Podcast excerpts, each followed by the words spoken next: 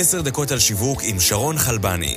פודקאסט שבועי בו תקבלו אסטרטגיות שיווק ושיטות עבודה שיעזרו לכם לנצח במשחק כל פעם מחדש.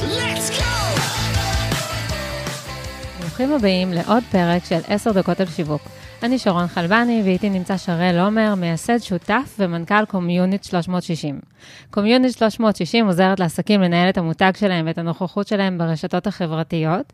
זאת אומרת שבאמצעות הטכנולוגיה שפיתחתם, אני יכולה לנהל מערכת יחסים עם הקהל שלי, לזהות בזמן אמת נושאים וציוצים שקשורים לוורטיקל שבו אני עוסקת, ואפילו לזהות fake news ולקבל התראות על מתקפות או הזדמנויות על המותג שלי ועל המתחרים.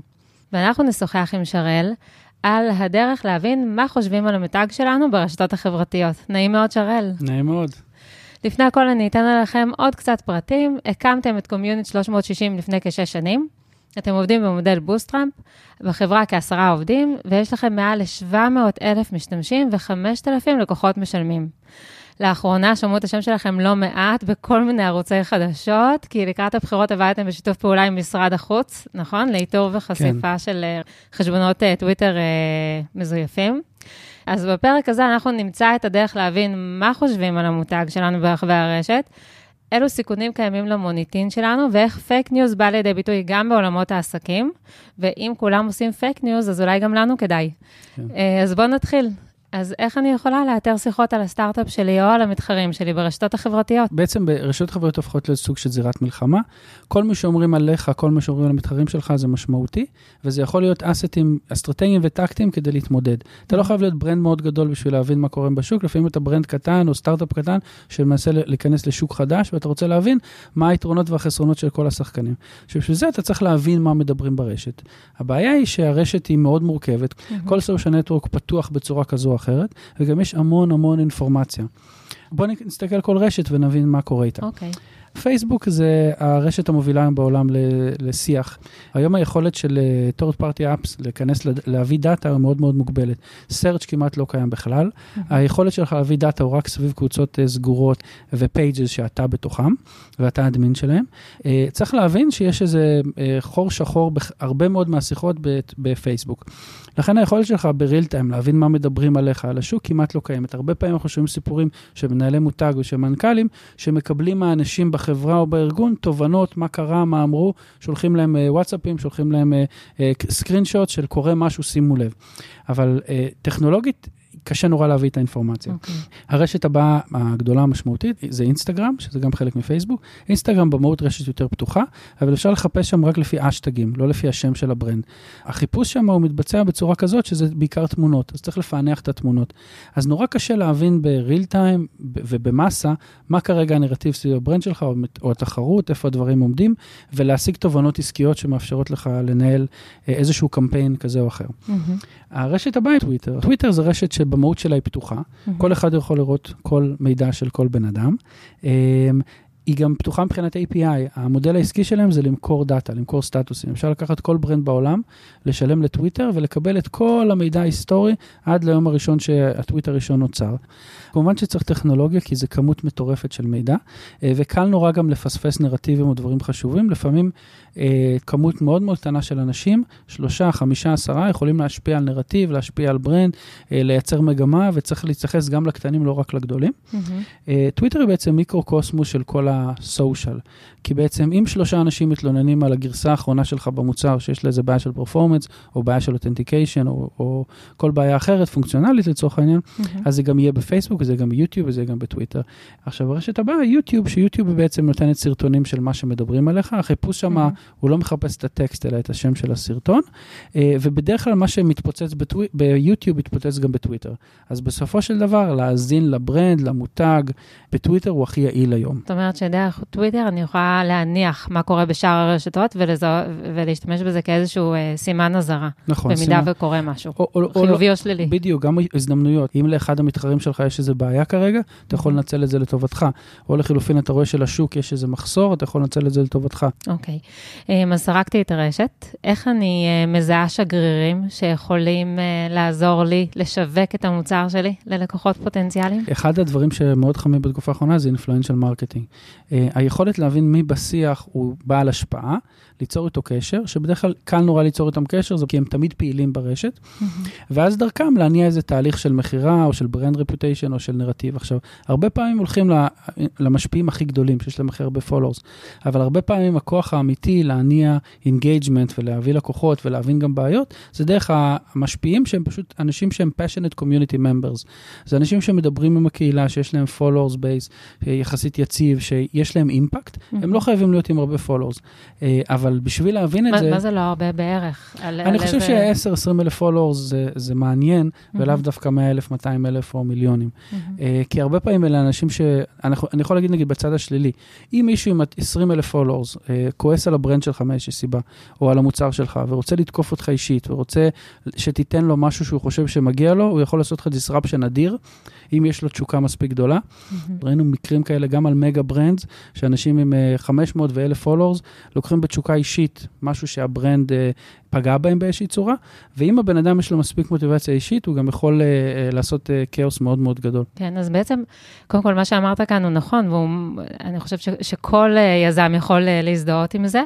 Uh, אז מה הדרך הנכונה? באמת, אם אני מזהה שמישהו מדבר על הסטארט-אפ שלי, או על המוצר, או על הגרסה האחרונה בצורה uh, לא נעימה, כן. נגדיר את זה? Uh, ההצעה שלי היא תמיד uh, לייצר, ליצור קשר עם האנשים הרלוונטיים, כי בדרך כלל יש להם בעיה אמיתית שהם מנסים רוצים, שהם רוצים שיפתרו להם. Mm-hmm. הרבה, עשינו ניתוחים גם לעולם הקריפטו, גם לעולם ה-B2C, גם לעולם ה-B2B, עבדנו עם הרבה ברנדים, ותמיד בסוף יש בסיס אמיתי.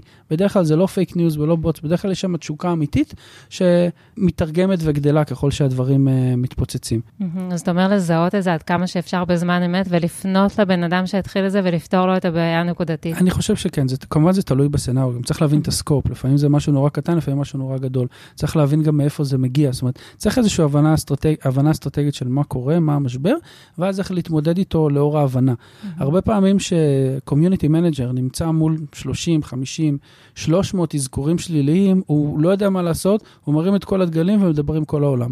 למרות שבכל יום יכולים ל-10,000 אזכורים או 3,000 אזכורים, זאת אומרת, זה לא הרבה יחסית, mm-hmm. אבל זה נראה מפחיד. אז צריך לשים את הדברים ב context, להבין מה האחוז.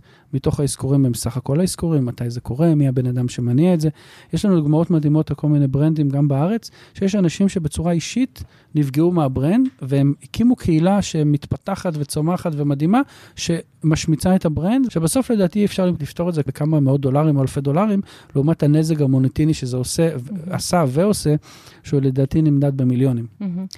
אוקיי, אז בוא נדבר עכשיו על באמת fake uh, news. מערכת הבחירות מאחורינו, כולנו נחשפנו להרבה fake news בכל מיני פלטפורמות, אני מניחה שזה קורה גם בעולמות העסקים. אז קודם כל, מה ה scale של זה בעולמות כן. העסקים? וזאת אסטרטגיה שאולי היית ממליץ לסטארט-אפים אפילו לאמץ אותה? אז אה, זו שאלה מצוינת. האמת שזה קצת זירת מלחמה. כל מה שקורה היום ב social הוא מלחמה על נרטיבים. והיכולת לשלוט בנרטיב, וזה בא לידי ביטוי מאוד כמו כל מה שקשור לתחרות. בעצם ראינו את זה גם בבחירות, התחרות מייצרת אה, שליטה בנרטיבים של פייק או לא פייק.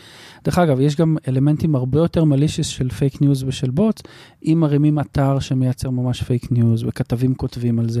לדוגמה, יש איזה, שני ניתוחים מעניינים. אחד זה שיש הוכחות להתערבות רוסית בכל מה שקשור לשיח בארצות הברית סביב חיסונים. Mm-hmm. קבוצה של אה, בוטים ושל fake accounts באו לייצר נרטיב שחיסונים זה לא בריא לאנשים וזה אה, בעייתי ולא כדאי לעשות. עכשיו, הסיבה של הגורמים הרוסים הייתה בשביל לייצר קונפליקט בין האנשים. שפתאום אנשים מתחילים להגיד, אני רוצה חיסונים, אני לא רוצה חיסונים וכן הלאה, ורואים איך זה מפעפע לכל העולם. זאת אומרת, זה לפעמים גם בין מדינות היכולת לייצר משהו mm-hmm. כזה. מה המסקנה בזה, דרך אגב? זה באמת היה פייק ניוז? שזה... כן, כן, ממש. Mm-hmm. זאת אומרת, ראו שהיה נרטיב שהעלה את כל השיח שהגיע מ fake bots. יכול להיות שהמהות היא אמיתית, יכול להיות שבאמת חיסונים הם לא טובים או כן טובים, את זה אני לא יודע. אני רק יודע שמי שהתחיל את כל השיח ואת כל הש... הנרטיב סביב זה, mm-hmm. היה בעצם אה, אה, בעלי אינטרס כזה או אחר. וזה מה שצריך להבין, זה לא משנה מה אומרים, זה משנה האם יש בזה מהות ולאיפה זה מתגלגל הלאה. Mm-hmm. בעצם נגיד בבחירות האחרונות ראינו שאמרו על ביבי שהוא מפעיל צבא בוטים, וביבי לקח את הנרטיב הזה, וב real time עשה לו flip, ואמר אם ככה כל הבוחרים של הליכוד הם בוטים. ופתאום זה יתרון להיות בוט ולא חיסרון. זה לא משנה העובדות אם באמת היה בוטים או לא, וכמה, ואם זה השפיע, שדרך אגב, זה לא ממש השפיע הבוטים האלה על השיח, כי רוב האנשים בישראל הם בכלל לא בטוויטר, זאת אומרת, מהותית לא היה שם השפעה של פייק ניוז mm. אמיתית. אה, אבל זה שזה יגיע למיינסטרים, וזה שדיברו על זה, זה המהות. עכשיו, איפה זה פוגש אותנו בעולם של החברות המסחריות והסטארט-אפים? בעצם זה מראה שיש הרבה opportunities בעולם ה marketing סביב ההבנה וההאזנה של מה שקורה ב social. אני מציע לסטארט-אפים קטנים בתחילת דרכם, שהולכים uh, להתמודד עם ברנדים גדולים, לעשות כל הזמן ניתוחים mm-hmm. של מה הברנדים הגדולים, מה אומרים עליהם, מה הבעיות שלהם, איפה האתגרים שלהם, ולנסות לקחת את זה מהם, מזה opportunities אליהם, לעשות טוב. לדוגמה, עשינו ניתוח לעולם ה fitness apps, שזה עולם super competitive, הרבה מאוד תחרות, retention שם שווה מיליונים, וזיהינו איזו מגמה של בעיית security ברוב האפליקציות. אנשים פעם אחר פעם uh, לוקחים להם את הפרטים האישיים, מוחקים את הדאטה, uh, לא מצליחים לעשות login וכן הלאה. יש בעיה של security בעולם הזה מאיזושהי סיבה. עכשיו, זה נגיד opportunity למישהו שנכנס לעולם הזה, של להגיד, אנחנו נהיה ה-most secured app when it comes to personal fitness. אז בעצם זה, זה opportunity שאתה יכול למנף על ה brand שלך ועל הארגון mm-hmm. שלך. אני חושב שכל מה שקשור להפעלת פייק ניוז ו bots וכן הלאה, הוא לא משהו שהוא best practice טוב, אבל ההבנה ששליטה על נרטיב יכולה להשפיע, ואם יש שיח על נרטיב זה רלוונטי, זה הבנה שהיא חשובה, שהיא יותר ויותר marketers מבינים אותה. אז אנחנו נסכם את זה בזה, בשליטה בנרטיב שלנו. לגמרי, מי ש... היום מי ששולט בנרטיב יכול לשלוט בעולם, literally. אוקיי, נתת לי כותרת. אה, טוב, תודה רבה, שרל, אנחנו סיימנו. אני מזמינה את כל מי שמאזין לנו להיכנס לאתר שלנו.